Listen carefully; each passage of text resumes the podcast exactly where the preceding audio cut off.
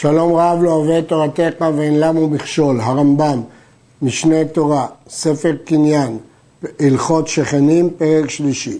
כותל חצר, המבדיל בין שני שותפים שנפל, יש לכל אחד משניהם לחוף את חברו, לבנותו עד גובה ארבע אמות, כדי שלא יראו זה את זה. אבל יתר על ארבע אמות, אין מחייבים אותו. ההלכה היא שהיזק ראייה שמי היזק, ולכן הם יכולים לכפות אחד את השני, לבנות כותל עד גובה של ארבע אמות. הכסף מישנק סובר שגם לפי הרמב"ם, גם אם הכותל הקודם היה גבוה מארבע אמות ונפל, כופין אותו לבנות רק עד ארבע אמות. רצה אחד והגביה הכותל יתר על ארבע אמות, כלומר על חשבונו הוא רצה להגביה יותר, זה לא מספיק לו גובה של ארבע אמות. אם בא חברו ובנה הכותל אחר גבוה כנגד הכותל שביניהם, מחייבים אותו ליתן חלקו בגובה שכנגד כותלו. כיוון שאנחנו רואים שהוא בנה כותל גבוה, סימן שהוא רוצה לנצל את הכותל שחברו בנה, ולכן עד הגובה שהוא בנה, חברו יכול לגבות ממנו. כיצד? בנה אחד כותל שביניהם והגביהו עשר אמות. ובא חברו ובנה כותל אחד כנגדו בצידו לעשות לו בית, והגביה הכותל לאחד שש אמות. סימן שבשתי אמות נוסף על ארבע אמות הוא רוצה להשתמש. מחייבים אותו ליתן חלקו בשתי אמות שהוסיף על הארבע, שהרי נראה ממעשיו שהוא רוצה בהם. הרי למה הוא בנה כותל מולו? כדי לסמוך תקרה עליהם. כלומר, הוא רצה לנצל את הגובה שהחברו בנה, וכמובן הוא לא צריך לשלם את הכל, אבל את חלקו. וכן, אם חקק בראש הכותל של ביניהם מקום להניח, אה, אם הוא אה, עשה חורים, חקיקות, בתוך הכותל שביניהם, להניח בו קורות, או שבנה עליו קורה גדולה שהקורות נשענים עליה, מחייבים אותו יותר חלקו בשש האמות כולן שהוסיף חברו על ארבע, אף על פי שלא בנה כנגד כל הכותל, שהגילה דעתו שהוא רוצה בכל הגובה הזה, בשביל מה הוא חקק שם? כדי להניח שם קורות. אז ברור מכאן שהוא צריך לשלם על הכל. אחד מן השותפים שבנה הכותל המבדיל בינו ובין חברו עד ארבע אמות ותבע חברו ליתן חלקו בהוצאה הרי הוא חייב להשתתף, לתת לו חצי ואמר נתתי חלקי, אתה צודק שאני חייב ושילמתי הרי זה בחזקת שנתן הדין הוא המוציא מחברו עליו הראייה וכיוון שהבנייה מוטלת על שניהם, אנחנו מניחים שרוב בני אדם ממלאים את חובתם, ולכן מניחים שהוא כבר נתן לו. ונשבע הסד שנתן ונפטר. עד שיביא התובע ראייה שלא נתן, כי המוציא מחברו עליו הראייה. אבל אם בא לתבוע אותו ליתן חלקו בהוצאת שאר הגובה שהוסיף על 400, כמו שלמדנו בהלכות הקודמות, שבמקרה שחברו בנה יותר מ-400 הוא לא חייב, אבל אם הוא סמך לו כנגדו או עשה חקיקות שחייבנו אותו לתת גם בתוספת ואמר נתתי על התוספת, אינו נאמן. חברו נשבע בנקיטת חפץ שלא נתן לו ונותן ממנו כדין כל הנשבעים ונוטלים, שיטת הרמב"ם כשיטת הגאונים, שכל מי שנוטל נשבע, עד שיביא ראיה זה שנתן לו. מה הסברה פה? כפי שאנחנו אומרים לו, מהיכן ידעת שאתה חייב לשלם כדי שתשלם לו קודם שתבוא לבית דין? במקרה הקודם עד 400, כל בני אדם יודעים שהם צריכים להשתתף. אבל המקרה הזה הוא חידוש שמחייבים אותו להשתתף אם הוא סמך לו כותל אחר. מי אמר לנו שהוא ידע את החידוש הזה? ולכן ההנחה היא שהוא לא שילם עד שיביא ראייה שהוא שילם. מי שהייתה לו חורבה בין חורבות חברו ועמד חברו וגדע רוח ראשונה ושנייה ושלישית עד שנמצאת חורבה זו מוקפת גדר משלוש רוחותיה. אין מחייבים אותו ליתן מן ההוצאה כלום, שהרי לא הועיל לו, והרי חורבתו פתוחה לרשות הרבים כשהייתה. מקורו של הדין הזה במשנה מקיף את חברו משלוש רוחותיו וגדר את הראשונה, את השנייה ואת השלישית, אין מחייבים אותו. לפי רוב הראשונים, רש"י והראש והרמב"ם, הדין הזה הוא בבקעה. בה לא שייך היזק ראייה ולא נהגו לגדור, ומטרת הגדר היא לא מפני היזק ראייה, אלא מפני למנוע היזק שם ורגל של בהמות זרות. ולכן בדרך כלל על הניקף אה, לא צריך לשלם, ובמקרה הזה הוא צריך לשלם מהסיבה שעד עשרה טפחים כן נהגו לבנות בבקעה. יש שהבינו מדברי הרמב"ם גם פירוש אחר. לפי הכסף משנה, מטרת הכותל לא להציל בהיזק ראייה, אלא מהיזק שן ורגל. כן. לפיכך, אם גדר לו רוח רביעית, אם הניקף גדר גם את הרוח הרביעית, עד שנמצאת חורבתו מוקפת גדר, מגלגלים עליו את הכל, כי גילה דעתו שהוא מעוניין בגדר הזה, ונותן חצי ההוצאה שיוציא זה בארבע רוחות.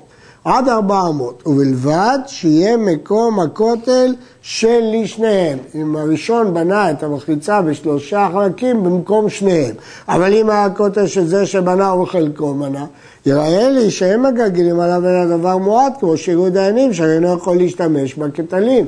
הרי הניקף לא יוכל להשתמש בכתלים, כי המקיף בנה אותם בחלקו, ולכן הוא לא צריך לשלם לו את כל מחצית ההוצאה. הרייבד משיג על זה, אמר אברהם, זה המשפט מעוקל. שאם הרוויח לו המקום וגדר אותו שיפחות לו הוצאה, מה ההיגיון שהפחית לו את ההוצאה? ההפך, הרי הוא עשה לו טובה, הוא בנה את הכל בשטח שלו.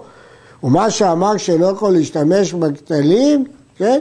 יוכל להשתמש, ויכתבו שטר שאם יפול הכותל, אבנים ועפר של שניהם, סוף סוף הניקף הרוויח מזה. וכן אם הניקף עצמו הוא שגדל רוח רביעית, הרי גילה דעתו ונותן חצי ההוצאה של שלוש רוחות, אם היו הכתבים וכן כל כיוצא בהם. הרמב"ם מפרש שני פירושים. אם הראשון גדל את הרוח הרביעית, מגלגלים את הכל, ואם הניקף גדל את הרביעית, אז הוא גילה דעתו. הדבר הזה הוא מחלוקת בין רבי יוסי ורבנן במשנה. רבי יוסי אומר, אם עמד וגדר את הרביעית, מגלגלים עליו את הכל. הרמב"ם בפירוש המשנה פוסק רבי יוסי. שני בתים, זה בצד זה, והיו גגיהם עשויים לדירה. אפילו היו בשני צידי רשות הרבים. זה עושה מעקה לחצי גגו שהודר בו, וזה עושה מעקה לחצי גגו שהודר בו, זה שלא כנגד זה, הוא מעדיף כדי שלא יראו זה את זה. חייבים לעשות לעצמם מעקה, כל אחד על חצי וקצת יותר, כדי שלא יראו אחד את השני. ואף על פי שהם נרשות הרבים רואים אותה, אז לכאורה מה הם הועילו? הרי כל אחד בנה חצי גדר.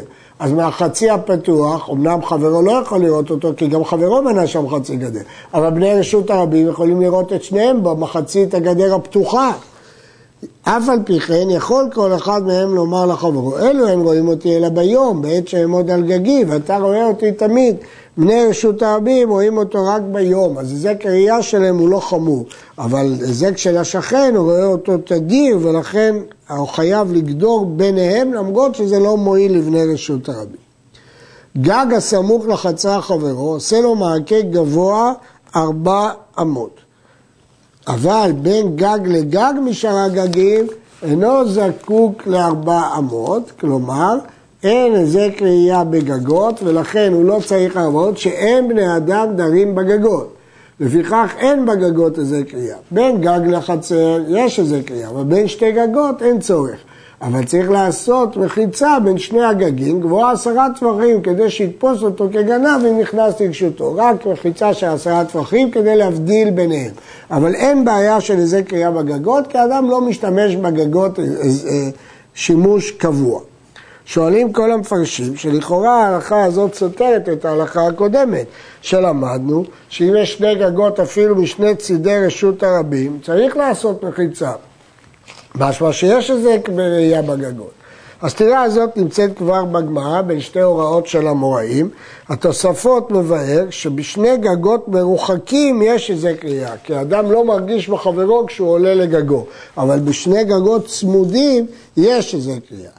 מדברי הרמב"ם, וכך משמע מהרעב"ד, מדובר בהבדל מציאותי בין סוגי גגות, גג שעשוי לדירה וגג שאינו עשוי לדירה.